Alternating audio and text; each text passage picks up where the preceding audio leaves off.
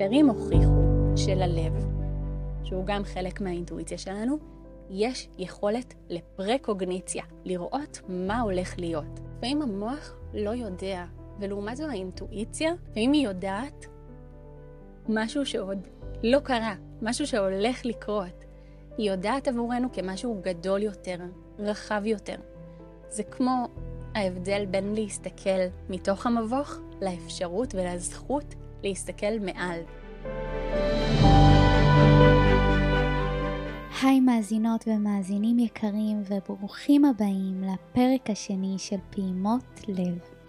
אנחנו חיים בעולם שיש בו אי ודאות, זה חלק מהחיים שלנו וזה טבעי שיהיו רגעי חוסר ודאות בדרך, שבהם נתלבט לגבי מה נכון לנו לעשות. למשל, האם להיכנס לאיזו זוגיות, להתפטר מעבודה מסוימת, לפתוח עסק, וזה יכול לפעמים מאוד לבלבל. אבל מה אם הייתי אומרת לכם שיש דרך שבה אתם יכולים לקבל תשובות לשאלות שמטרידות אתכם, ולא סתם תשובות, אלא את התשובות שהכי מדויקות, נכונות ומיטיבות עבורכם, שיכולות לחסוך לכם זמן יקר ולקרב אתכם למקום שאתם רוצים הרבה יותר מהר. אחת הדרכים שיכולות לעזור לנו היא האינטואיציה שלנו, שקיימת בכל אחד ואחת מאיתנו, רק שאף פעם לא לימדו אותנו איך להקשיב לה, איך להתחבר אליה. אינטואיציה היא החלק בכם שעושה שקלול של כל חוויות החיים שלכם, ניסיון העבר, התובנות שרכשתם, והיא מחוברת לחוכמה הרבה יותר גבוהה, ולכן תמיד היא יודעת הכי טוב מה נכון עבורכם. בפרק הזה אני מארחת את יזמרגד, שהיא מאמנת להגשמה אישית ויצירת זוגיות נשמתית ובריאה, וגם חברה מאוד טובה שלי שאני מאוד אוהבת ומעריכה. בפרק דיברנו על ששת הכלים הפרקטיים שיעזרו לכם לקבל תשובות לשאלות שמטרידות אתכם מהאינטואיציה שלכם ומהיקום, ובכך להתקרב להגשמת החיים שאתם רוצים הרבה יותר מהר ובדרך הרבה יותר נעימה ומיטיבה. אלו הכלים שמשמשים אותי ואת יזמרגד ברמה היומיומית ועזרו לנו לייצר תוצאות מיטיבות בחיים שלנו ובחיים של אחרים. אותם גם סיכמתי עבורכם בסוף הפרק. בפרק גם תקבלו מענה לשאלות כמו איך אפשר להבדיל בין הקולות של הפחדים שלנו לבין הקול של האינטואיציה? איזה שאלות כדאי לשאול בשביל להתחבר באופן עמוק יותר לאינטואיציה ולקבל את התשובות לשאלות לא פתורות בחיים שלנו? ואיך אפשר לבקש ולזהות את הסימנים והמסרים מהיקום באופן שיעזור לנו להבין מה הצעד הכי נכון ומיטיב עבורנו. ועוד ועוד ועוד. בסוף הפרק גם ממש תרגלנו הקשבה לאינטואיציה דרך הדרכה של איזמרגד, כך שגם אתם תוכלו לחוות את התהליך הזה של הקשבה לאינטואיציה ביחד איתנו ולחזור לזה בכל זמן שתצטרכו. בעיניי זה פרק מעניין ומרתק ואני מקווה שגם אתם תרגישו ככה ותהנו ממנו ואם נתרמתם מהפרק ממש אשמח שתשתפו אותו עם כל מי שאתם חושבים שהוא יכול לתת לו ערך. אז יאללה, פתיח ומתחילים.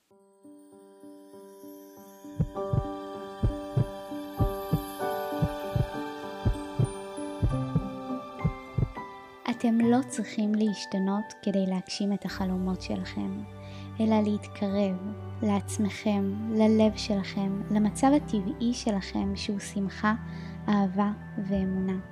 כי הלב הפועם שלכם יודע תמיד הכי טוב מה נכון עבורכם. אני אסתר אזולאי ואני מאמנת תודעתית ומלווה תהליכי התפתחות אישית והמנחה של הפודקאסט הזה, פעימות לב. שבו נחשף ביחד לדרכים שיעזרו לנו להתקרב להגשמת משאלות הלב שלנו, ובדרך לשם לחזק את הבריאות הנפשית והפיזית שלנו, ולשפר את מערכת היחסים עם עצמנו ועם אחרים. תזכרו שיש בכם כבר עכשיו פוטנציאל אינסופי ואת כל מה שנדרש בשביל לחיות את החיים שאתם רוצים. ואתם רק צריכים לגלות את זה, רק צריכים להתחבר. ואיך בדיוק לעשות את זה נלמד כאן. הפודקאסט פעימות לב, קדימה, מתחילים. היי זמרגד. היי אסתר, איזה כיף. ממש כיף ומרגש. להקליט את הפרק הזה איתך. אה, אני מכירה את איזמרגד כבר, אני חושבת, כמעט שנתיים. אה, שנה וחצי, שנתיים, וככה החיבור בינינו מרגיש לי מאוד טבעי, ואני ממש שמחה ומודה על זה שאת אה, מתארחת כאן היום. אז נראה לי שאפשר להתחיל בשאלה של בכלל מה זה, מה זה אינטואיציה, מה זה אומר אינטואיציה. אז השאלה המעניינת, מבחינתי אינטואיציה זו ידיעה שקטה, פנימית ועמוקה של איזושהי אמת שהיא מעבר לרציונל, שהיא לא בהכרח אפילו קשורה לרציונל, אולי אפילו סותרת את הרציונל ואין לה שום הסבר. ממש ידיעה פנימית עמוקה ושקטה. מבחינתי אינטואיציה היא כמו שריר, זה משהו ששווה להגיד ברגע הזה. ולפעמים האינטואיציה היא מאוד חזקה, וגם בלי קשר לשריר, יכול להיות שכל אחת שמאזינה לפודקאסט יכולה להיזכר באיזשהו רגע שהאינטואיציה הפתיעה אותה. עבורי, הרגע שבו האינטואיציה שלי הייתה הכי חזקה, הייתה אחרי שעבדתי תקופה על חיבור לאינטואיציה, ואז זה באמת הגיע. הרגע הזה היה, האמת, הרגע שבו ראיתי את התמונה של מי שכיום הוא בעלי. הסתכלתי בפייסבוק אה, לראות מי כתב תגובה מעניינת וחמודה שתואמת לבן הזוג שהייתי רוצה, וברגע שראיתי את התמונה שלו, הייתה לי אינטואיציה, שמבחינתי זו מעין תחושת בטן, בבטן התחתונה המאוד עמוקה, שהוא שלי, שנועדנו להתחתן, שזו נשמה קשורה אליי, שאני מכירה אותה, וככה, בלי הסבר, הייתה לי פשוט ידיעה שזה הולך להתגשם עבורי.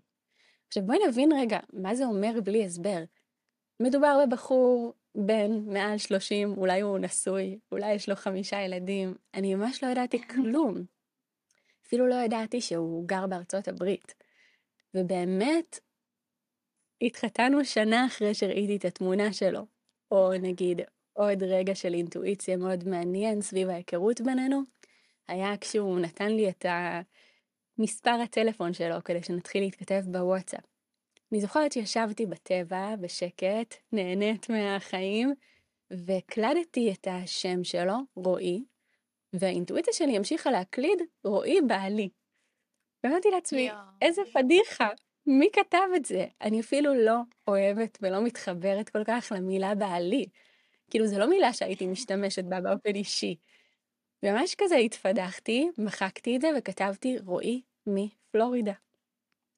ורק אחרי הדייט הראשון, אמרתי לעצמי, האינטואיציה שלי כל כך צדקה, אני הולכת לחבק אותה ולקבל את זה, ולמחוק את הרועי פלורידה הזה ולהחזיר את רועי בעלי, כי באמת, זו זכות כל כך גדולה, שיש פתאום ידיעה שהיא מעבר לרציונל ומעבר לזמן ומקום, של משהו שהולך להתגשם עבורך. וואו, יש לי צמרמורת, למרות שזו לא פעם ראשונה שאני שומעת את הסיפור הזה, כל פעם מחדש זה מרגש אותי ממש. כן. אז את אומרת ממש כזו ידיעה פנימית, מין קול כזה שאת שומעת אותו, או שאת מרגישה אותו, שאומר לך, זה הדבר הנכון לך. נכון. ובאמת, נקודה שאמרתי קודם, מבחינתי אינטואיציה היא איפשהו באזור של הבטן התחתונה. לא סתם בעברית קוראים לה תחושת בטן, באנגלית gut feeling.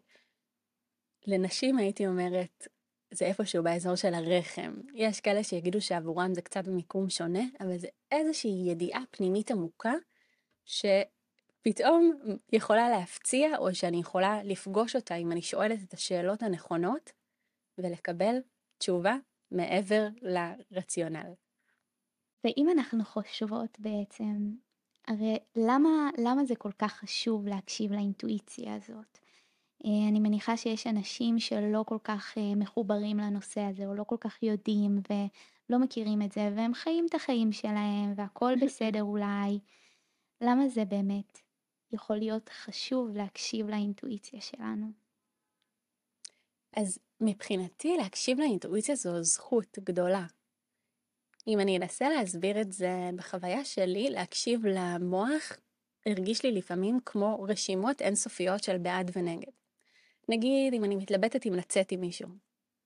אני יכולה עכשיו לחפור עם חברה או עם עצמי שעות. אבל הוא כזה, אבל הוא כזה, והוא מצליח, אבל הוא, אני לא יודעת אם הוא רציני, אבל הוא מעשן, אבל הוא אה, בליין, אבל הוא... ולא לצאת מזה, מהרשימות האלה.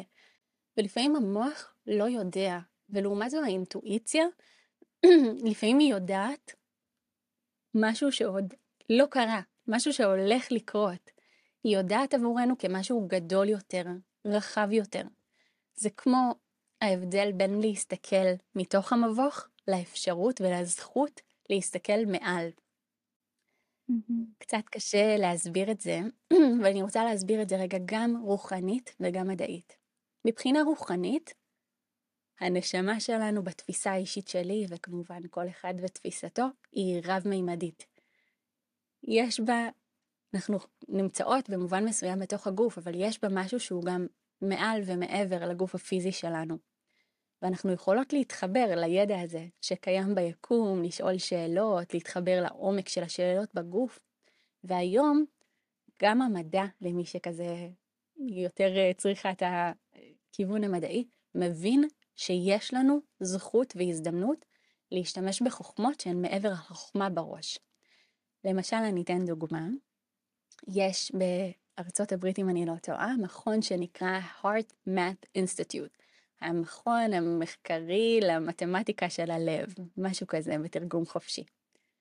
ושם הצליחו להראות בניסוי מאוד מעניין, שאם את רואה תמונה, אחר כך רואה משהו שחור, רואה תמונה, גם כשרואים את המשהו השחור הזה בין התמונות, זאת אומרת כשהעין והמוח עוד לא רואה את התמונה, הלב יודע להגיב לתמונה הבאה. יודע להגיב אם היא תהיה שמחה ונעימה, ומקרבת, יודע להגיב אם היא תהיה תמונה מפחידה. זאת אומרת, מחקרים הוכיחו שללב, שהוא גם חלק מהאינטואיציה שלנו, יש יכולת לפרקוגניציה, לראות מה הולך להיות. כמו שסיפרתי את הסיפור שלי עם בעלי, רועי, שהייתה לי איזושהי ידיעה מה הולך להיות, וזה באמת מה שקרה והתממש, זו הזכות של אינטואיציה, לדעת לפעמים מעל השיקולים של בעד ונגד, מה יכול להיות הכי הכי נכון ובריא לי. אה, אני יכולה להוסיף לזה גם שבאמת ההקשבה לאינטואיציה, הקשבה ללב, הקשבה לבטן שלנו, הרבה פעמים זה גם אה, ללכת עם מה שמרגש אותנו, עם מה שנעים לנו, עם מה שעושה לנו טוב. השיקולים האלה של השכל, הבעד והנגד, יכול להיות שמשהו יהיה נכון מבחינה, מבחינת השכל, אבל בסוף הוא יאמלל אותנו, אה, אנחנו בדרך יהיה לנו מאוד אה, קשה, מתיש, לא כיף, וזה יכול מאוד להתיש המקומות האלה, אה, וככה להוריד את ההנאה מהדרך. ברור שיש גם אתגרים וקשיים בכל, בכל, גם אם אנחנו הולכות עם האינטואיציה, זה לא אומר שאין קשיים ואין אתגרים והכל ורוד, אבל, אבל אני חושבת שגם מהבחינה הזו של ההרגשה שלנו, אה, שבדרך כלל זה תואם למקום שהוא נעים לנו, שהוא טוב לנו, שהוא מיטיב לנו, אה, שהוא מחובר באמת ל... ללב שלנו, למה שעושה לנו טוב. לגמרי. אינטואיציה היא גם מענה עמוק יותר להקשבה עצמית. כדי להקשיב לאינטואיציה, בעצם בשלב הראשון אני פוגשת הקשבה פנימית מסוימת, הקשבה אליי. נכון. רציתי לשאול אותך גם, מה ההבדל בין פחד לאינטואיציה? כי ככה אני פוגשת אה, הרבה בנות וגם לי זה הרבה פעמים קורה שאני לא יודעת אם זה קול של רגע של פחד או שזה קול של אינטואיציה שכרגע אני שומעת. אז uh, אני אשמח אם תוכלי לפרט על זה. כן, אז זה באמת מבלבל לפעמים. בעיקר בהתחלה, וזה כמו שריר, ככל שאני אתנסה בזה יותר, יהיה לי יותר קל להבין אם זה הפחד שלי או אם זו אינטואיציה. אבל אחד הכלים שמנחים אותי בהקשר הזה, זה קודם כל לשים לב אם זה בכלל חופף או לא. זאת אומרת, אם האינטואיציה שלי אומרת משהו שונה מהפחד שלי, בעיניי זה מחזק את זה שרוב הסיכויים שזו אינטואיציה. כי לרוב ההרגל והפחד הם אלה שיכולים להישמע מאוד מאוד חזק. אז אם האינטואיציה למשל אמרה לי, תטוסי לחו"ל, תקני בית, אה, תצאי עם הבחור הזה שבכלל גר בארצות הברית, סביר להניח שזו האינטואיציה שלי. זה כבר יכול להקל. אבל אם אני רוצה להמשיך להקשיב, ויש לי ספק, כי האינטואיציה שעלתה לי תואמת את הקול של הפחד, מה שהייתי ממליצה לעשות, ואנחנו נדבר על זה טיפה יותר, נראה לי טיפה בהמשך, זה לבקש סימן נוסף. לחפש איזשהו מסר נוסף שיחזק אותי מעבר, להמשיך להקשיב, לבדוק, ולפעמים אפשר לקבל מסר לא רק מהאינטואיציה שלי, אלא גם מהיקום.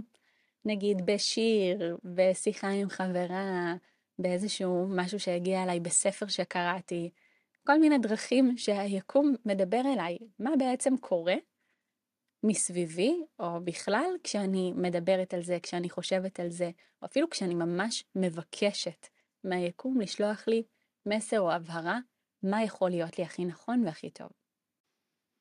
כן, בעצם את אומרת שקודם כל זה העניין הזה של אה, אם האינטואיציה היא בעצם סותרת את הפחדים שיש לי, בדרך כלל זו, זה יהיה הקול של האינטואיציה. אם אני שומעת קול שאומר לי תעשי את זה למרות שאני מתה מפחד, אז זה כנראה האינטואיציה, נכון? כן. וגם הזכרת את המסרים שאנחנו באמת נדבר עליהם אה, בהמשך. אה, וגם לי עולים כמה דברים, שהרבה אה, פעמים אני שמתי לב שהפחדים הם מאוד מאוד חזקים, זאת אומרת אני נכנסת לאיזשהו לופ כזה שלא נגמר, שגם מוריד לי את האנרגיה, מוריד לי את התדר. אה, זה מאוד מאוד חזק כזה בכל הגוף, אם אמרנו שהאינטואיציה היא בדרך כלל מהאזור של הבטן, והיא בדרך כלל גם לעומת הקול של הפחדים, היא יותר עדינה, היא יותר שקטה, היא יותר גם חדה וברורה, היא כזה, זה הדבר, זה מה שנכון לי. אמ, אז נראה לי שזה גם אה, מאוד עוזר להבדיל בין האם זה קול של פחד, האם אני רגע באיזשהו לופ כזה אינסופי של גם הפחד יש לו הרבה הסברים, שוב אמרנו הרציונליות, כן, הרבה מאוד הסברים, כן. רגע, אבל אולי עדיף שלא, אבל אם ככה אז ככה, והוא מאוד מנתח את זה. והאינטואיציה היא שקטה יותר, היא חדה, היא ברורה, היא אין לה ספק. אז אני חושבת נכון. שזה גם... שזה באמת משהו מאוד חשוב שדיברת עליו. אם, ועוד מעט נעשה גם איזשהו תרגיל, כשאני מקשיבה לאינטואיציה אני שומעת המון הסברים המון קולות, כי... כי לאינטואיציה?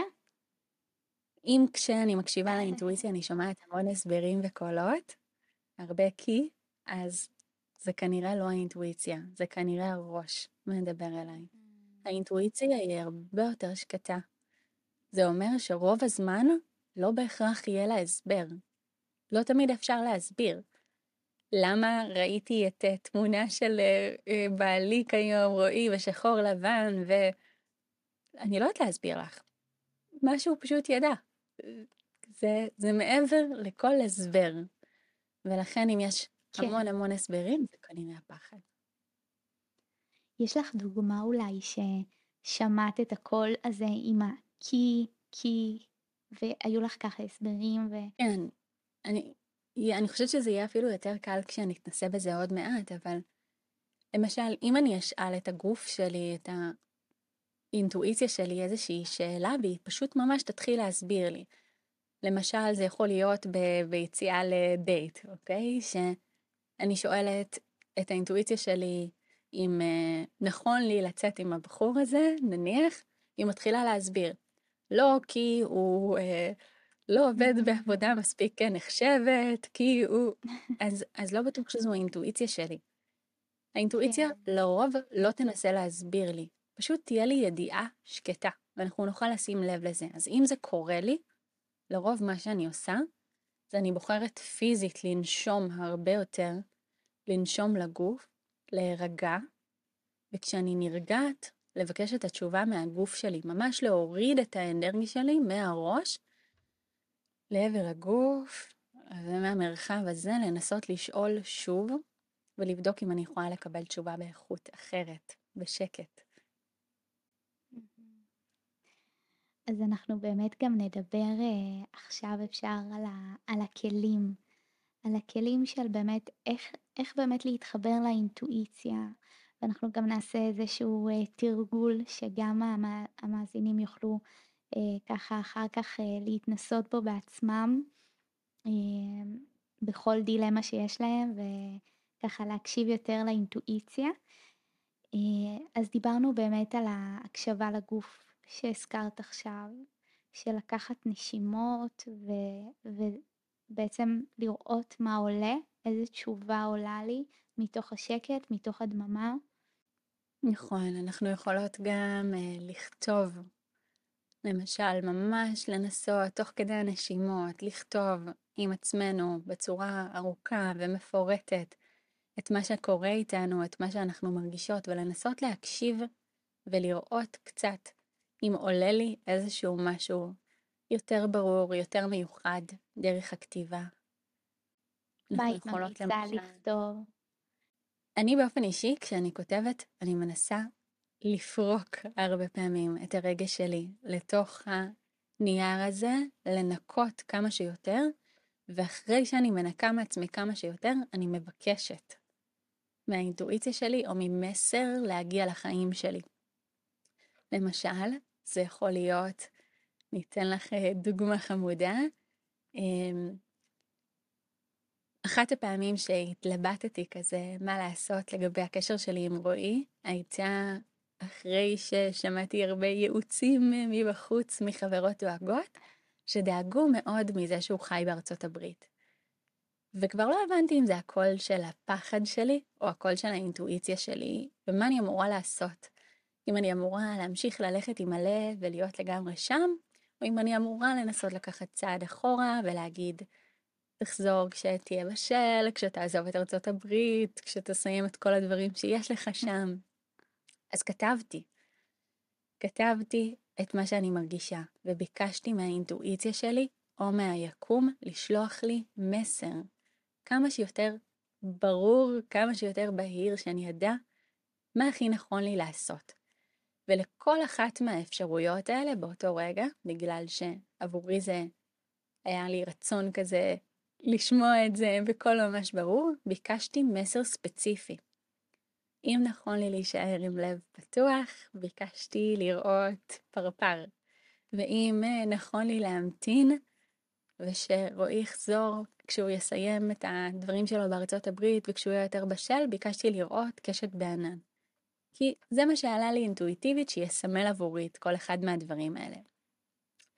ובאמת, זה זמן כאילו חמוד להגיד שעוד אחת מהדרכים לקבל מסר גבוה זה להתחבר למסרים האלה שמגיעים מהיקום, אז שתי דקות אולי אחרי שסיימתי לכתוב את זה, כשאני עוד עם המחברת ביד והעט, רואים מגיע עם כוס שבתחתית שלה מוטבע פרפר, וכמה דקות אחרי זה עובר לידינו פרפר, וככה היום הזה ממשיך עם עוד כמה פרפרים. ואני הייתי בפחד לפתוח את הלב, זה עדיין מפחיד. אז חזרתי הביתה ואפילו כתבתי שוב בבוקר למחרת, תודה על היקום, על המסר ועל הפרפר שהגיע לחיים שלי. אבל אני עדיין מפחדת ואני אשמח לחיזוק מה אני אמורה לעשות. תמשיכו להראות לי או פרפר או קשת בענן לפי מה שאני אמורה לעשות. וממש ירדתי לבית של שכנה שגרה מתחתיי איזה כמה דקות אחרי, והבת שלה מביאה ספר, שבכל עמוד בספר יש אה, ציור אחר, מצביעה לי על שיר של פרפר, ואומרת לי, את יכולה להקריא לי את זה? עכשיו, מבין כל העמודים, עמוד באמצע הספר, לא על טרקטור, לא על זה, על פרפר, אז כבר היה לי דמעות כזה, אמרתי, אוקיי, היקום עונה לי, הוא עונה לי מהר, זה אפשרי, אני יודעת שזה אפשרי. ובאותו יום גם נפגשתי איתן שוב אחר הצהריים, ואותה ילדה, שליחה חמודה, הביאה ספר אחר, שהיא ביקשה ממני להקריא לה אותו. ספר אחד, לא אחרי הרבה ספרים אחרים, פשוט ספר אחד. ובספר העמוד הראשון היה, אהבה היא כמו תחושה של מיליון פרפרים בלב, וכל העמוד מלא פרפרים. וואו. אז מה שאני רוצה להגיד בזה, זה שדרך הכתיבה אני יכולה ממש גם להקשיב יותר טוב לעצמי, לעשות נכון. רגע סדר, להירגע, לפנות את הגוף שלי מכל המחשבות האלה והרגשות שעוברות עליי וטיפה לנקות את הכלי, אבל אני גם יכולה להשתמש בכתיבה שלי כאפשרות לבקש מסר מהיקום. ובעיניי בכתיבה יש משהו שמחזיק תדר, זה עושה איזשהו סדר בראש. זה כמו לשמור על uh, מדיטציה ועל קו מחשבה. המחשבות לא בורחות, ואני רגע מסדרת את הבית הפנימי שלי, ומבקשת עזרה במה שאני צריכה עזרה. מדהים. אז את אומרת בעצם לכתוב קודם כל, לפרוק, את פורקת כל מה שאת מרגישה, כל, ה, כל הבלבול שיש בראש, את פורקת את זה על הדף, ובסוף את גם מבקשת מסר מהיקום שיעזור לך להבין מה נכון לך. לגמרי. בכתיבה זה אחת השיטות האהובות עליי, לבקש מסר חיצוני גם אם אני צריכה אותו. ומה הקשר בעינייך בין מסרים מהיקום לבין אינטואיציה? זאת אומרת, איך זה מתקשר לך? זה פשוט דרך משלימה. דיברנו על הדרך כזה להגיע לאינטואיציה ודיברנו על הקשבה לגוף, על מצב של רגיעה, על אולי אפילו מדיטציה כזאת, על כל מיני כלים שהם פנימיים. אז אני יכולה להקשיב דרכי, דרך הבטן התחתונה שלי, דרך הלב שלי, כל מיני דברים כאלה. אבל אני גם יכולה לבקש להקשיב בחוץ, ומבחינתי זו פשוט השלמה. מהבחינה הרוחנית, מי שמתקרבת לזה ומאמינה, אז אנחנו נשמה, אבל אנחנו לא לבד ביקום, בעולם. יש עוד כוחות שנועדו להטיב איתנו, לשמור עלינו, שיכולות להעביר לנו, שיכולים להעביר לנו מסר. זה יכול להיות נניח ההדרכה שלנו או משהו כזה. אבל גם אם לא, ונורא קשה לכן עם משהו רוחני, אז בואו נקרא לזה בשפה הפסיכולוגית על מודע. אז אני יכולה להקשיב לגוף, נכון. וזה יהיה כאילו כמו נגיד להקשיב לתת מודע שלי, לקולות העמוקים בתוכי. ואני יכולה להקשיב אולי למה שנקרא לו, אם אנחנו רוצות פסיכולוגית, העל מודע. איזשהו משהו שהוא אמת גבוהה, אוניברסלית, דברים שהם מחוץ אליי, אז uh, זה פשוט כלים משלימים שאני משתמשת בהם באופן שונה. אם אני רוצה מסר שהוא יותר לגביי, אם קל לי לשמוע אותו, לרוב אני אשאל את עצמי, את האינטואיציה שלי. אבל אם אני מאוד מבולבלת, אם אני לא בטוחה אם מה שעלה לי הוא הפחד, אם זה על משהו שאולי הוא כזה יכול להיות חצי מחוץ אליי, אני אשאל לרוב את היקום, אני אבקש איזשהו מסר חיצוני. אנחנו נדבר גם, אה, או עכשיו או טיפה בהמשך, מתי שתרצי, על זה שיש המון המון דרכים לקבל מסרים, אז שווה כזה לפתוח את העיניים, את האוזניים, אמרנו קודם כזה, שירים, אה, אה, ספרים, שיחות עם חברים, אבל אפשר גם דרך חלומות לבקש מסר, אפשר על הדף לבקש מסר, ממש כמו שאמרנו לפני רגע. אז יש המון המון דרכים שזמינות לנו, אה, ושווה להעמיק בזה מי שמעניין אותה.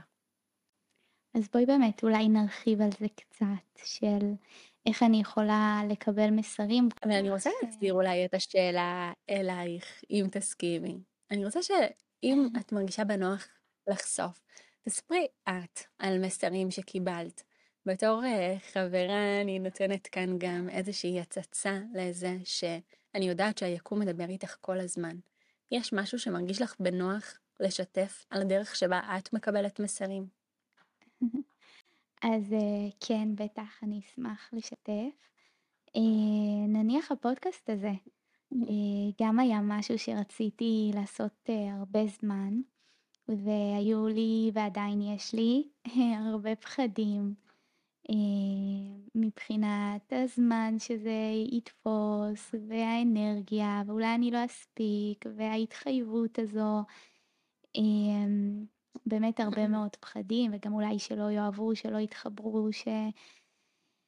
אמ, ועם זאת, אני, אני ידעתי כבר הרבה זמן שזה הדבר שמאוד מאוד מרגש אותי ומאוד עושה לי טוב, אה, להפיץ תוכן, להעביר תוכן, לדבר על הנושאים האלה, אה, וגם הרגשתי שבאינסטגרם, אמנם אני אה, ככה משתפת בהרבה מאוד תוכן, אבל זה אחרת, אה, זה התבנית של האינסטגרם היא, היא שונה, היא מאוד כזה קצרה ומהירה, ורציתי ככה לתת מעבר ולצלול יותר לעומקים.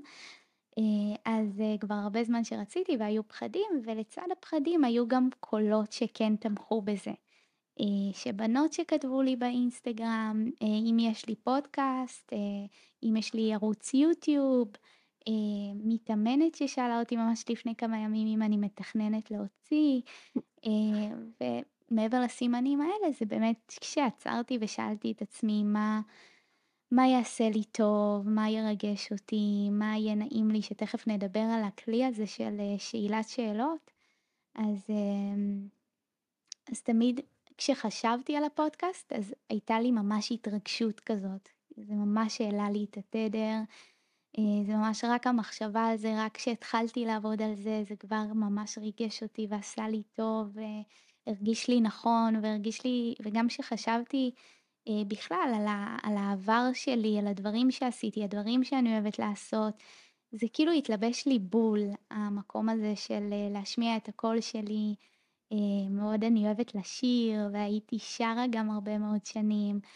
אה, אז בכלל, וגם, וגם כשהתחלתי להתעסק בדברים הטכניים, אז אה, צוף, הבן זוג שלי, הוא מתעסק בכל האמצעים של, של הגברה ותאורה ומסכים, וככה מיד הוא הביא לי את כל הציוד, לא הייתי צריכה לקנות, וכאילו הכל התחבר והתלבש ו... אה, קרה בזרימה כזאת. אז, אה, אז זה לגמרי, אני חושבת, אה, מקרה שיכול להבהיר את זה, שלצד הפחדים הייתה גם איזושהי ידיעה, מסרים מהיקום. אני חושבת שגם כשאנחנו מקשיבות לאינטואיציה, זה גם, יש איזושהי, קודם כל הקלה מסוימת, וגם הדברים קורים יותר בנינוחות, בקלות, בזרימה, בטבעיות, אין את ה... אין את הרבה מאוד מאמץ כשאני לא במקום הנכון לי. אה, בין אם זה בעבודה מסוימת, בזוגיות מסוימת. הדברים יותר זורמים, יותר אה, קלים. שוב, זה לא אומר שאין אתגרים, אבל אני חושבת שיש משהו יותר טבעי, כאילו אני במקום הטבעי שלי. לגמרי, זה כמו ההבדל בין לשחות נגד הזרם ללשחות עם הזרם. כאילו היקום רוצה, הוא רוצה, הוא אומר לך, הנה, יש כאן יובל כזה שמוביל אותך למקום טוב. זה כזה, יש בזה איזשהו משהו שגם אם יש פחדים, והרבה פעמים יש פחדים, זה משהו שחשוב רגע לעצור אולי ולהגיד, יש פחד לצד אינטואיציה. אינטואיציה היא לא רק ההתרגשות הזו. זה טבעי שתהיה לי אינטואיציה, ועדיין המוח שלי או ההרגל שלי יפחד מהצעד הזה.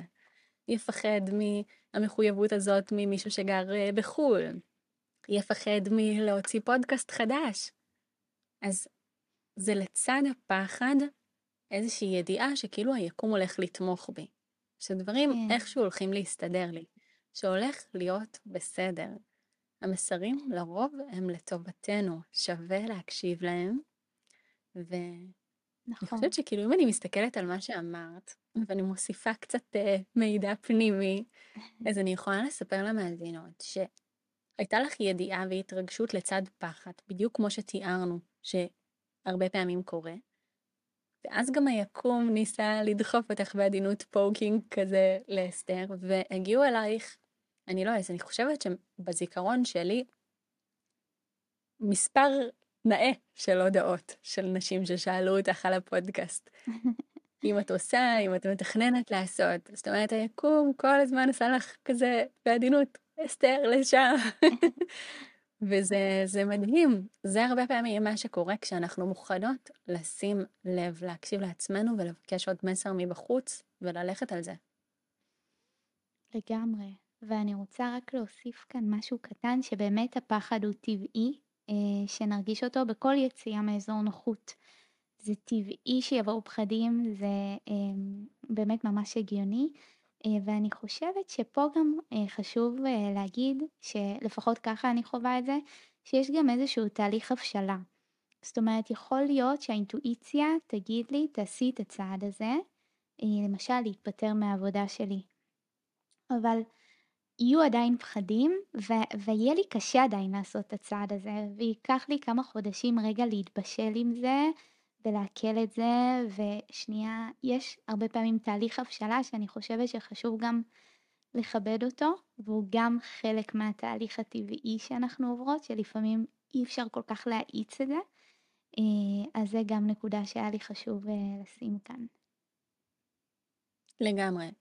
אחד הדברים המשלימים שאני יכולה להגיד לזה, זה ש... אם אני מרגישה שאני רוצה, שאני מבינה לאן היקום מכווין אותי, אבל שיש לי איזשהו קושי או אתגר מסוים, אני יכולה גם לנסות, לפחות בתפילה, זה לא מזיק, לבקש תמיכה ועזרה והקלה בהגשמה הזאת, בשיעור הזה, בשינוי הרגל הזה, במה שזה לא יהיה שמתבקש ממני. כמו שאני יכולה לבקש מסר, וזו זכותי וזה מותר לי, ומי שתתנסה, סביר שתחווה את זה גם בעצמה, אני יכולה גם לבקש עזרה ותמיכה והקלה, ויש סיכוי טוב שאני אקבל אותן. אני מאמינה בזה בלב שלם ומניסיון אישי. מדהים. אני גם uh, מתחברת לזה. אז אם אנחנו רגע חוזרות לכלים שלנו, אז התחלתי להגיד כזה במשפט על השאלת שאלות, שזה גם כלי שיכול לעזור לנו להתחבר לאינטואיציה. Uh, את יכולה להרחיב על זה? כן, האמת שאת השאלות הספציפיות אני מעדיפה שנתנסה בהם ביחד, אבל לשאול שאלה נכונה, זה אומר שאני רוצה לשאול שאלה שתיתן לי תשובה מספיק מעמיקה. לשם הדוגמה, אם אני אה, יוצאת לדייט ואני אשאל אה, את, את עצמי, האם בא לי לצאת איתו עוד פעם? אז יכול להיות שבא לי, יכול להיות שתת המודע שלי מאוד נמשך אליו כי הוא מזכיר לי איזשהו משהו כואב שהיה לי מהמשפחה, מהבית, והוא נראה לי מאוד אה, אה, מושך סביב הדבר הזה. אבל זאת לא השאלה הנכונה. השאלה העמוקה יותר, הנכונה יותר של האינטואיציה מבחינתי, זאת השאלה שאני ניסחתי לעצמי, זה האם נכון לי, בריא לי ומשרת אותי להמשיך לצאת איתו לדייט נוסף. וזו כבר שאלה שמערבת תודעת על, אני לא יודעת אם נכון לי, בריא לי ומשרת אותי לגמרי דרך הראש. זה דורש כבר לרוב איזושהי הקשבה למשהו עמוק יותר. אז כבר עצם השאלה מכניס אותי פנימה להקשבה אחרת, מאיכות אחרת. כן, שבאמת מילת המפתח פה, אני חושבת, זה המילה הקשבה. אה, גם בנוגע לשאלת שאלות, ואני רגע מקשיבה מה עולה, גם הקשבה למסרים מבחוץ, גם דיברנו אה, בינינו, הקשבה לגוף, נכון? של אני שמה לב איך אני מרגישה פיזית כשאני חושבת על אופציה מסוימת, כשאני חושבת שאני אגור במקום אחר, או כשאני חושבת שאני אהיה בזוגיות הזו, או כשאני חושבת שאני אצא מהזוגיות הזאת, או אצא ממקום העבודה שלי, איך זה גורם לי להרגיש שאני מרגישה הקלה, אני מרגישה התרגשות כשאני חושבת על לעשות את הפודקאסט. יש אה, עוד איזה משהו שחשוב לי להגיד בהקשר הזה של הקשבה לאינטואיציה, וזה שכדי להקשיב לאינטואיציה אני צריכה להיות מאוד רגועה. זאת אומרת, אם כרגע קורה לי משהו מאוד מלחיץ, כרגע אני כזה חסרת אוויר, אני מרגישה שעכשיו אני חייבת לקבל החלטה, לפעמים, לפחות בשם התחלה, זה זמן מאוד מאתגר להקשיב לאינטואיציה. האינטואיציה צריכה שאני אהיה כמה שיותר רגועה במערכת העצבים שנקראת פרסימפטית. זאת של המצבים שבהם אני שקטה ומקשיבה פנימה. ככה אני יכולה להקשיב למידע יותר עמוק, יש בי משהו יותר רגוע, יותר פתוח, יותר נינוח, יותר מקבל, פחות בראש, פחות דרוך, ואז יש לזה את הסיכוי הכי הכי גבוה להקשיב. וזאת הסיבה שאנחנו בין היתר נושמות, או פורקות קודם רגש, או אפשר לבלות זמן במקלחת, או בטבע. אני אגיד את זה גם רגע מהבחינה המדעית, מי שמעניין אותה, רוב הזמן המוח שלנו מאוד פעיל, הקצב שלו מאוד גבוה. כשאנחנו יותר נושמות, מרגיעות את הגוף, נמצאות פיזית באיזושהי נוכחות או ריכוז, גלי המוח שלנו נהיים יותר איטיים ותומכים בהקשבה יותר עמוקה הזו. בהקשבה לגוף, בהקשבה לתת מודע, בהקשבה לדברים האלה שהראש שלי לא יודע, אבל משהו עמוק בתוכי כן יודע את התשובות אליהם. נכון, ובדרך כלל כשיש את כל הקולות של הפחדים, הקולות של השכל, אז אין רגע מקום לקול של האינטואיציה להישמע. אה, וכשאנחנו רגע משקיטות את כל הקולות האלה, נושמות, מאפשרות איזשהו פתח למשהו חדש לעלות, לקול הזה הפנימי שלנו. אה, דיברת באמת על העניין של להירגע, ודיברנו גם על ה... בינינו, אה, שיש עוד כלי, שזה כלי באמת של להעלות את התדר שלנו. שבדרך כלל אנחנו נשמע את האינטואיציה כשאנחנו בתדר יותר גבוה, באנרגיה יותר גבוהה. אמ, לעומת זאת שאנחנו באנרגיה נמוכה, לרוב, בדרך כלל אנחנו פחות נשמע את הקולות האלה, יותר נשמע את הפחדים, את הדאגות, את החששות. אה, אז זה באמת כשאנחנו באנרגיה גבוהה ואנחנו, יש גם כלים להעלות את האנרגיה שלנו, אז uh, זה זמן טוב uh, ככה להתחבר יותר לא, לאינטואיציה. לגמרי. ואולי את רוצה לשתף כזה בכלים להעלות את התדר. מה עוזר לך להעלות קצת את התדר? Uh, אז לי הדבר שהכי עוזר זה ספורט. תנועה, זה יכול להיות כל אחת מה שהיא אוהבת. Uh, זה מאוד מאוד עוזר לי להעלות את האנרגיה. Uh, גם לכתוב כזה הוקרות תודה, לסיים את היום ולכתוב תודה על כל מה שאני, אה, שיש כבר. אה, לצאת לטבע זה גם מעלה לי את האנרגיה. להיות עם אנשים שאני אוהבת. אה, לשיר.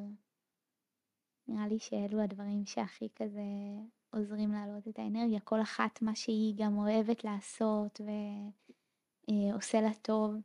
כן, כן.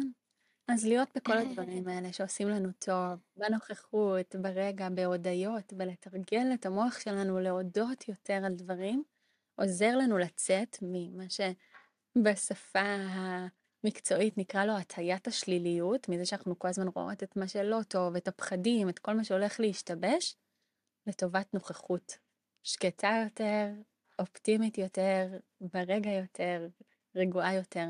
שמאוד תומכת באינטואיציה שלי וביכולת שלי לקבל מסרים, כי הרי אם אני לחוצה עכשיו, או חושבת שהכל הולך להשתבש, גם המידת פניות רגשית שיש לי, לראות בכלל את מה שקורה מסביבי, את מה שהיקום מנסה להגיד לי, היא נמוכה יותר.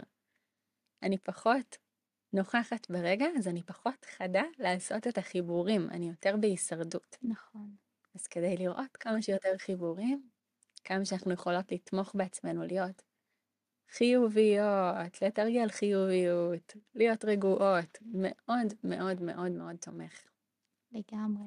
בגלל זה אני הרבה פעמים גם אומרת שלא אה, לקבל החלטות כשאנחנו ככה באנרגיה נמוכה יותר, או בפחדים, בחששות, להגיד, טוב, כרגע אני, אני לא מקבלת החלטה, אני אקבל החלטה שהגל הזה רגע יעבור ואני יותר ארגע, אה, ואני אקבל את זה ממקום אחר, מאנרגיה שהיא יותר גבוהה. לגמרי. אז אותו דבר בדיוק כמו שאמרנו על האינטואיציה. אם עכשיו אני עמוסה ולחוצה ומוצפת, להרגיע את עצמי דרך נשימה, דרך הכתיבה, או לבחון את זה בזמן יותר מאוחר, זה יהיה הרבה הרבה יותר מדויק בתוצאות. ממש. יש לי עוד איזשהו כלי שמאוד עוזר לי בהקשר של אינטואיציה, כדי להקשיב לאינטואיציה שלי ולא לפחד, לפעמים אני מנסה להפריד את הפחד ולהגיד לו, אני אתן לך מקום, זה חשוב לי, אבל עוד רגע, אני רוצה רגע להקשיב לאינטואיציה. ואני שמה לרגע את הפחדים בצד ומנסה להסתכל על זה כמה שיותר נקי. אני כרגע רק על תקן המקשיבה למה שעולה לי באינטואיציה. רק מקשיבה. כמעט כאילו אני צריכה לתת עוד רגע את התשובה למישהו אחר תשובה קרה, כי לא אני הולכת להתמודד עם זה. נגיד אולי זה בכלל אסתר מתלבטת ואני צריכה לתת לה את התשובה. אז אני רגע נמצאת עם עצמי, אומרת, אם אני שמה את הפחד בצד, אחר כך אני אתמודד איתו, ואני רק מקשיבה אם כן או לא, אם נכון לי או לא נכון לי, אם נעים לי, אם בריא לי, אם... יהיה לי הרבה הרבה יותר קל להחליט כשהפחד ממתין לי בצד ואנחנו נתמודד איתו אחר כך. מה זה אומר לשים את הפחד בצד? זאת אומרת, איך זה בא לידי ביטוי? לבקש את זה מתת המודע שלי, להגיד לעצמי, אני מכבדת את הפחדים שלי. אני רגע שמה בצד את כל הפחדים, כמו נניח אני רוצה לקנות אה, בית. יש לי המון פחדים. איך, אה, מה יקרה עם הכסף? מה יהיה עם הכלכלה? לאן דברים ילכו? מלא פחדים של הראש. מי יביא לי מה? איך זה, מי ייתן לי הלוואה? באיזה תנאים? וואו. אוקיי, שנייה עם כל הפן הטכני, עם כל הפחד. בואי רגע, איזמר גד, נקשיב אם בריא לך, נכון לך ומשרת אותך כרגע. לקנות בית, או לקנות את הבית הזה. ואני רק מקשיבה. כמו הופכת להיות זו שעונה לטלפון ושומעת מה אומרים לי מעבר בקו השני. אומרים לי כן, אומרים לי, מה אומר לי הגוף? מה אומר לי היקום? אני קודם מקשיב, כמה שיותר נקי, ואחר כך אני אתמודד עם כל הדברים הטכניים. אז אני מנסה להפריד, ממש לבקש מתת המודע שלי, וזה עובד. אחרי שאני אשמע את התשובה, אני אמצא פתרונות להכל. Mm-hmm. אני אהיה עם הרגש שלי, אני אבין איך לעשות את זה, אני אבקש הבהרות, הכל בסדר. אבל עכשיו אני רק מקשיבה, פשוט מקשיבה. מדהים, אהבתי. אה, נראה לי שאפשר שנעבור עכשיו לתרגול שלנו, שזה בעצם איזמרגד אה, הולכת להעביר אותי ככה תהליך של חיבור יותר לאינטואיציה, להקשבה הפנימית, וגם המאזינים יוכלו או רק להקשיב על זה מהצד, וככה אני חושבת שגם מההקשבה מהצד אפשר לקבל מזה הרבה מאוד ערך, או לתרגל את זה איתנו בעצמכן אה, לפי ההנחיות של אה, איזמרגד. אה, גם אם אתן כרגע בנסיעה או בריצה או בכל מקום אחר, אתן תוכלו להשלים את זה אחר כך שתהיו בבית. ויאללה, נתחיל. כן, אז אני כן אגיד רגע שמי שנמצאת בבית ובמקום שמאפשר לה, יכול להיות ששווה לעשות עצירה ממש קצרצרה, כדי לכתוב לכן בצד איזושהי התלבטות שיש עליה שתי אופציות. זו יכולה להיות למשל שאלת כן או לא, נניח, האם נכון לי לצאת עם הבחור הזה? או זו יכולה להיות שאלה שפשוט יש עליה שתי אפשרויות שונות. נניח אני מתלבטת בין אה, לעשות משהו אחד או משהו אחר, לצאת עם מישהו אחד או עם מישהו אחר. כל דבר שעולה לכן בתחום שמעסיק אתכן כרגע בחיים, והייתן רוצות להקשיב. אז מי שצריכה רגע של הפסקה, מדהים, ואנחנו מתחילות. אז כל מי שאיתנו ומאזינה מוזמנת לעצום את העיניים, אם זה מסתדר, ולנשום פיזית לגוף רגע, להרגיע את הגוף, להתחבר לגוף המסקרן הזה שמדבר איתנו כל הזמן. תנשמו פיזית לאזור של הלב, לחלל הלב. וממש תרגישו איך מהלב הנשימה גדלה וממלאת את כל שאר הגוף. הלב מתמלא ושאר הגוף מתרחב גם, וכשאני מוציאה את האוויר החוצה, אני מוציאה את החששות, והפחדים, שמה אותם בצד, ובוחרת לרכך רגע את הגוף שלי, להקשיב לו, ונתחיל ממש בהקשבה ללב. זה זמן טוב להגיד ללב, מי שזה מרגיש לא נכון, תודה ללב ולחוכמה של הלב. שמשרתת אותי, שרוצה לדבר אליי. אני רוצה להקשיב יותר למה שהלב שלי אומר לי. ותמשיכו לנשום ללב, לתמוך בעצמכם, להתרחב, להירגע. ובואו ננסה לשאול את הלב את השאלה שלנו. האם מרגש את הלב שלי האפשרות הזו? מה מבין שתי האפשרויות שיש לי הכי הכי מרגש, מרחיב ומשמח את הלב שלי? תקשיבו לשאלה הכללית, מה הכי מרגש, מרחיב ומשמח את הלב שלי מבין שתי האפשרויות. ובואו נזכור רגע כל אפשרות בנפרד. תשתדלו להישאר פתוחות גם אם עדיין לא מגיעה תשובה וגם אם כן. רק להמשיך להקשיב, אולי עוד רגע עונים לכם. איך הלב שלי מרגיש כשאני מתחברת לאפשרות האחת. כל אחת יכולה למצוא רגע להתחבר לאפשרות הזו, האפשרות שכן, אפשרות אחת, ולבדוק רגע איך הלב שלי מרגיש כשאני מתחברת לאפשרות השנייה. האם מרגש ומרחיב אותו האפשרות הזו?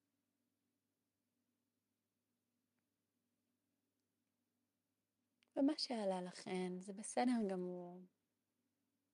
תנשמו רגע הודיה ללב.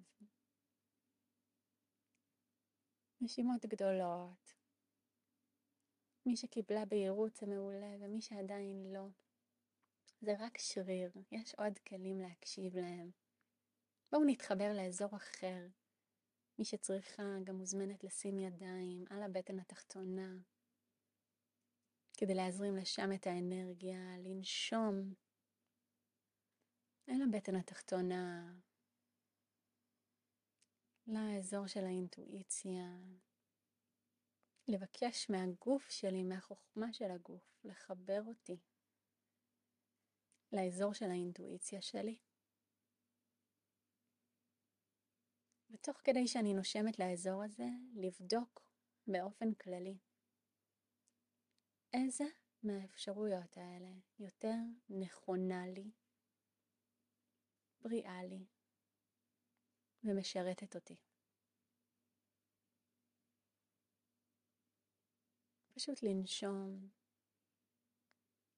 ובואו נסתכל על כל אחת מהאפשרויות בנפרד. האם נכון לי בריא לי ומשרת אותי לבחור באפשרות אחת. ולהמשיך לנשום לבטן, לתחתונה. האם נכון לי, בריא לי ומשרת אותי לבחור באפשרות השנייה? וממש להמשיך רגע לנשום לגוף.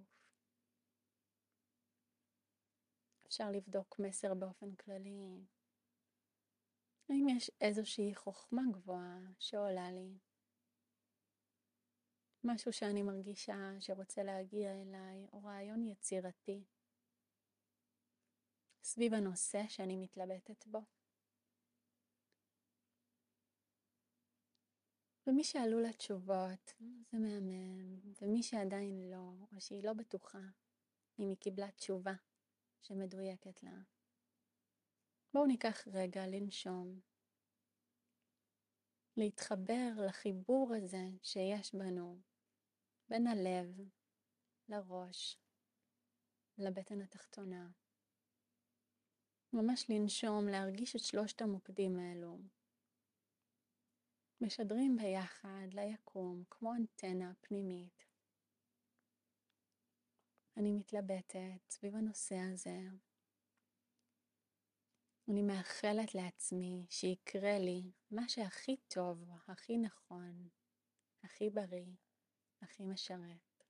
הכי מרגש. אם יש לי בהירות, אני מקווה שהיא תקרה לי ותתממש עבורי בדרך הכי קלה ונכונה.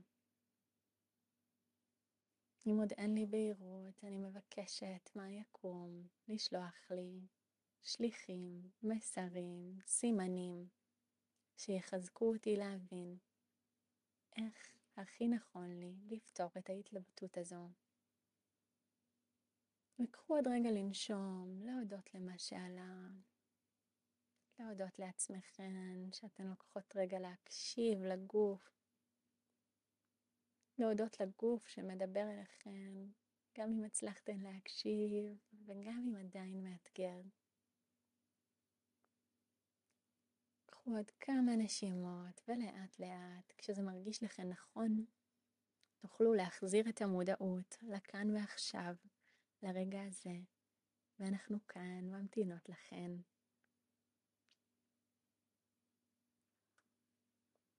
וואו.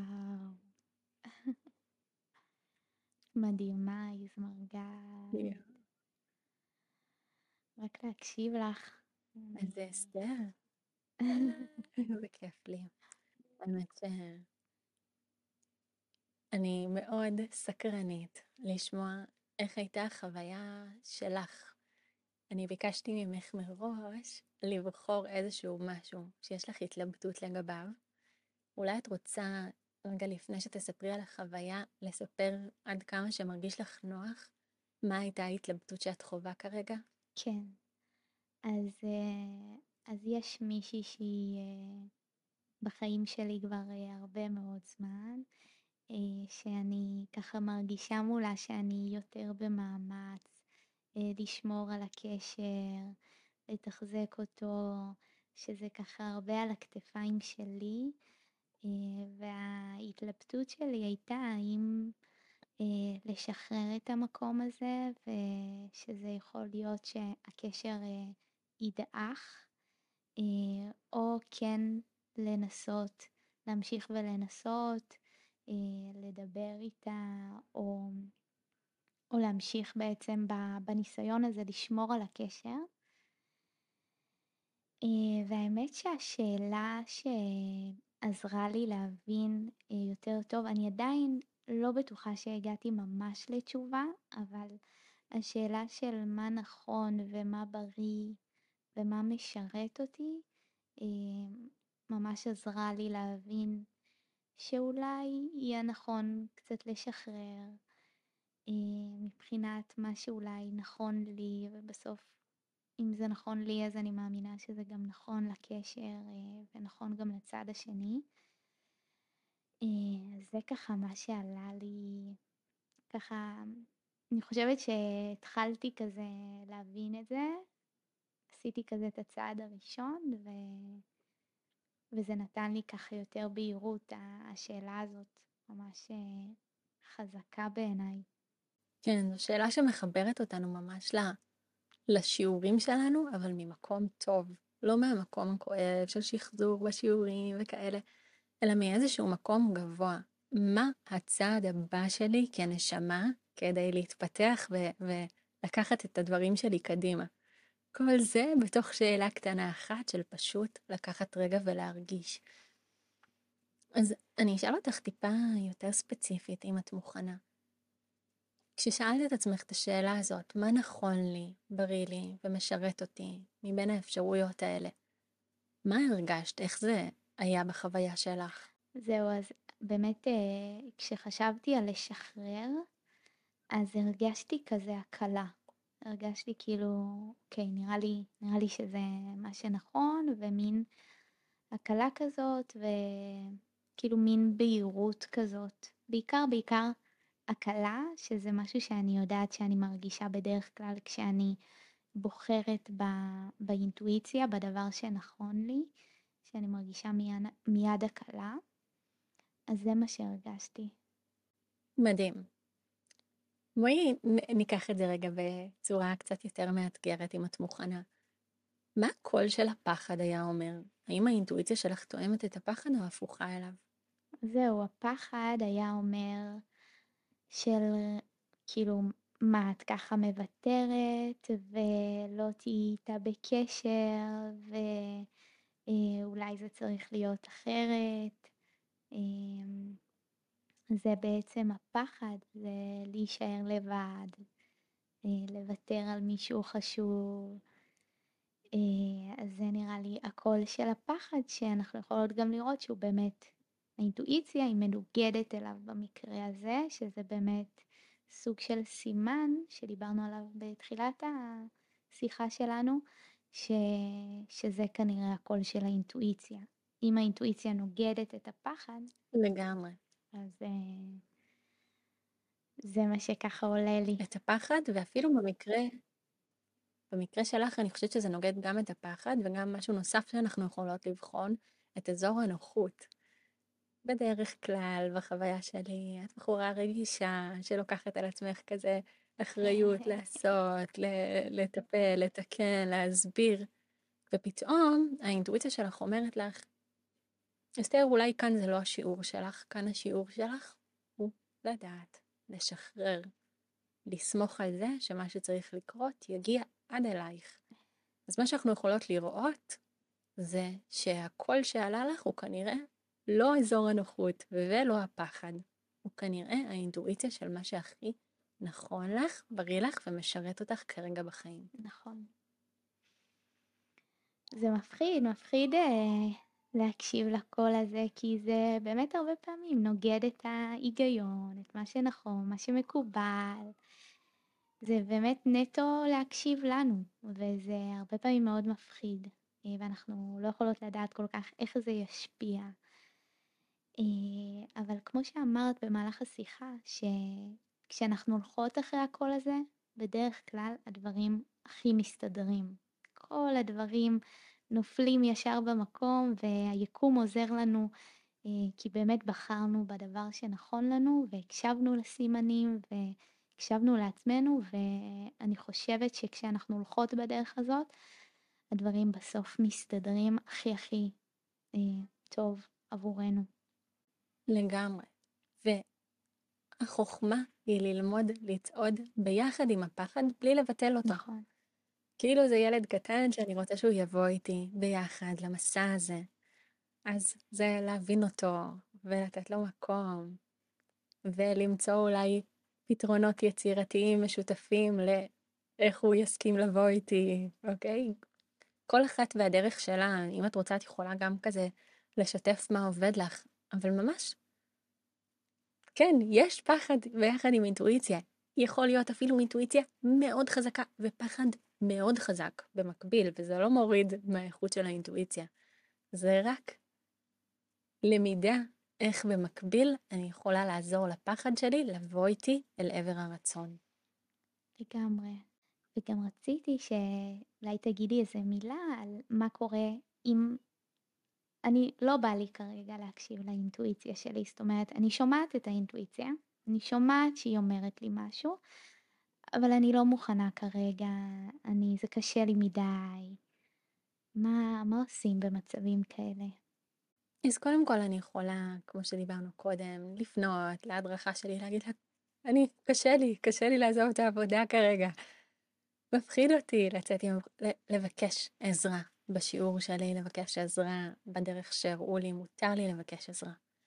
אבל אני רוצה גם להגיד משהו נוסף, וזה שהאינטואיציה והמסרים נועדו להיות לטובתי, מתוך חוכמה גבוהה, שרואה כאילו מעל המפה שלי את כל המפה הכללית, אבל מותר לי לא להקשיב. מותר לי. מהבחינה הרוחנית אני אגיד את זה שאנחנו כמו בניסוי במסגרת החוויה האנושית. כל החלטה פותחת דלתות אחרות, התמודדויות אחרות. הטוב והרע הם לא בינאריים, זה לא שזה באמת טוב וזה באמת רע. מה שאני אעשה, מה שאני אבחר, מה שאני אפתח, בסוף זה בסדר גמור, זו הדרך שלי, זה המסע שלי וזו הזכות שלי. מותר לי, גם עם האינטואיציה לטובתי, להחליט שכרגע זה too much ולבקש עזרה, וגם מותר לי ממש להחליט לא להקשיב, שזה לא מתאים לי. שמאיזושהי סיבה אני לא רוצה ללכת בכיוון הזה, וזה בסדר. ואז בעצם את אומרת, יהיו לי התמודדויות נוספות, זאת אומרת, גם אם אני לא אבחר באינטואיציה, זה יוביל לדברים אחרים שהם גם יהיו לטובתי, לשיעורים, לחוויות, אה, אבל בסוף ההמלצה הכללית היא כן להקשיב לאינטואיציה, כי בדרך כלל היא באמת יודעת הכי טוב מה נכון לנו, והיא גם הרבה פעמים חוסכת לנו אה, זמן וככה שיעורים מסוימים, כי סביר להניח שגם השיעורים שנפגוש בדרך הם יפגישו אותנו שוב עם המקום הזה של אה, רגע להקשיב לקול הזה. אמ, אז באמת, אנחנו לא חייבות שום דבר, אנחנו לא חייבות בחיים האלה, וכל אה, אחת יש את המסע שלה ואת השיעורים שלה, ויכול להיות שכרגע זה עדיין לא הזמן אה, של מישהי מסוימת, ועוד שנה זה כן יהיה הזמן, ולזכור שהכל זה באמת קורה לטובת ההתפתחות שלנו, אנחנו תמיד בדרך, אנחנו תמיד לומדות, אה, ולצד זה גם לבקש, אפשר תמיד לבקש עזרה. אה, ו- וללמוד איך להתחבר טוב יותר למקום הזה שלנו וכל הזמן להתאמן על זה ולתרגל באמת את כל הכלים שדיברנו עליהם כאן היום ואפשר תמיד לחזור ספציפית לתרגיל הזה שעשית לי המדהים, לבוא ולהקשיב לו. כן, אני אקח רגע משהו ממה שאמרת ברשותך. אחד הדברים היפים שאמרת זה של...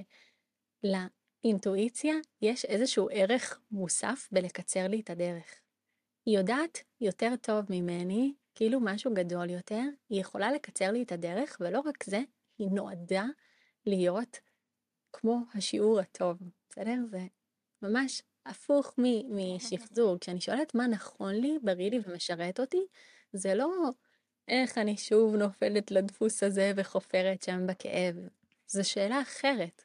היא כמו שאלה איך אני קופצת מדרגה, אולי בלי אותה עוצמה של שיעור דרך כאב, מתוך עוצמה של שיעור מהטוב, מתוך ההגשמות שאני מאחלת לעצמי. אז חיבור לאינטואיציה עוזר לי לקדם את השיעורים שלי בדרך הטוב ולקצר תהליכים בחיים.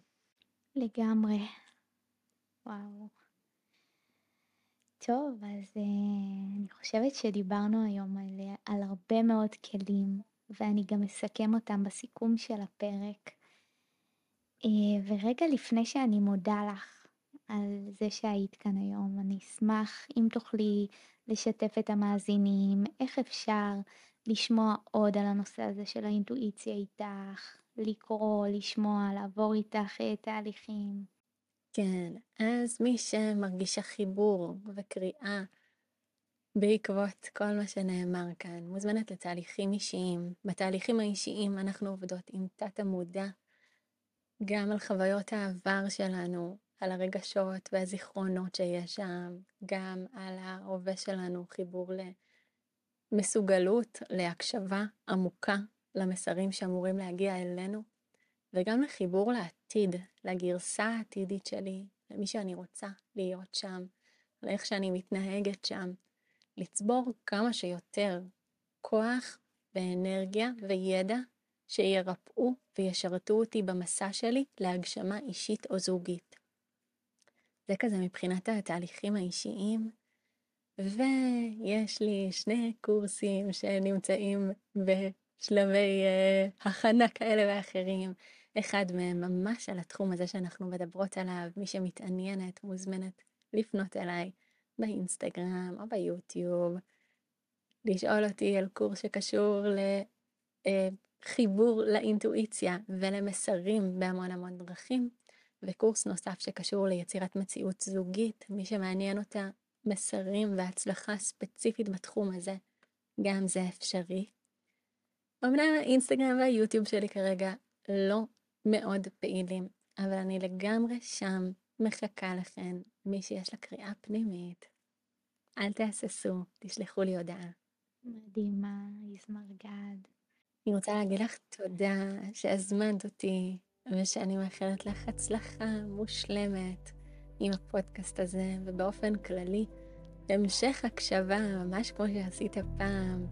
למסרים ולנדנודים הקטנים האלה מהיקום שרוצים להראות לך את הדרך האישית שלך. וגם כמובן לכל המאזינות, זה משהו שזמין לכולנו לשים אליו יותר לב. תודה רבה יזמרגד. זהו, הגענו לסוף הפרק, ואני רוצה לסכם לנו את שש הדרכים שבהם אפשר להתחבר לאינטואיציה שלנו ולמסרים מהיקום. אז הדבר הראשון היה להקשיב לגוף, לשאול שאלות ולראות מה קורה בגוף, איזה תחושות אנחנו מרגישים בגוף שלנו כשאנחנו חושבים על האופציות השונות. הרבה פעמים זה יכול לעזור לנו להבין מה נכון עבורנו. כלי נוסף היה הכתיבה. ממש לכתוב את כל מה שאתם מרגישים, את כל הלבטים, את כל החששות, גם כדי לפנות מהגוף את הרגשות שיש בנו באותם רגעים, וגם כאפשרות לבקשה ולקבלה של מסר מהיקום, ממש אפשר לבקש דרך הכתיבה מסר מהיקום לגבי הדבר שנכון עבורכם. ומעבר לכתיבה, כדאי להיות בתשומת לב למסרים מהיקום שיכולים להגיע אליכם דרך אנשים מסוימים, אמירות שאומרים לכם, שירים שמתנגנים, שילוט ברחוב ועוד. הרבה פעמים זה יכול לעזור לנו להבין מה נכון עבורנו. עוד כלי היה הכלי של שאלת שאלות, לשאול שאלה שתיתן לנו תשובה מספיק מעמיקה, כמו למשל השאלה, האם הדבר הזה הוא נכון לי, בריא לי ומשרת אותי, ולראות מה עולה. דבר נוסף היה להעלות את התדר ואת האנרגיה שלנו, כי כדי להקשיב לאינטואיציה אנחנו צריכים להיות כמה שיותר רגועים. כך אפשר להקשיב למידע עמוק יותר, וגם ככל שהאנרגיה גבוהה, ככה אנחנו יכולים לצאת מהטיית השליליות של המוח ולראות את הדברים באופן נקי יותר. והדבר האחרון היה להפריד את הפחד, לשים לרגע את הפחדים בצד ולהסתכל על המצב בצורה כמה שיותר נקייה וכמו שהיינו מייעצים לחבר או חברה טובה. ולבסוף תרגלנו הקשבה לאינטואיציה שתוכלו גם להשתמש בתרגול הזה בכל פעם שעולה לכם איזה קונפליקט או דילמה ותרצו להתחבר רגע לעצמכם. אני ממש מקווה שלמדתם ונתרמתם מהפרק הזה, ואם כן, אני ממש אשמח אם תוכלו לעזור לי להגיע לעוד לבבות ולשתף אותו ברשתות החברתיות ועם אנשים שאתם חושבים שהוא יוכל לתרום להם גם. תודה רבה על ההאזנה ונתראה בפרק הבא.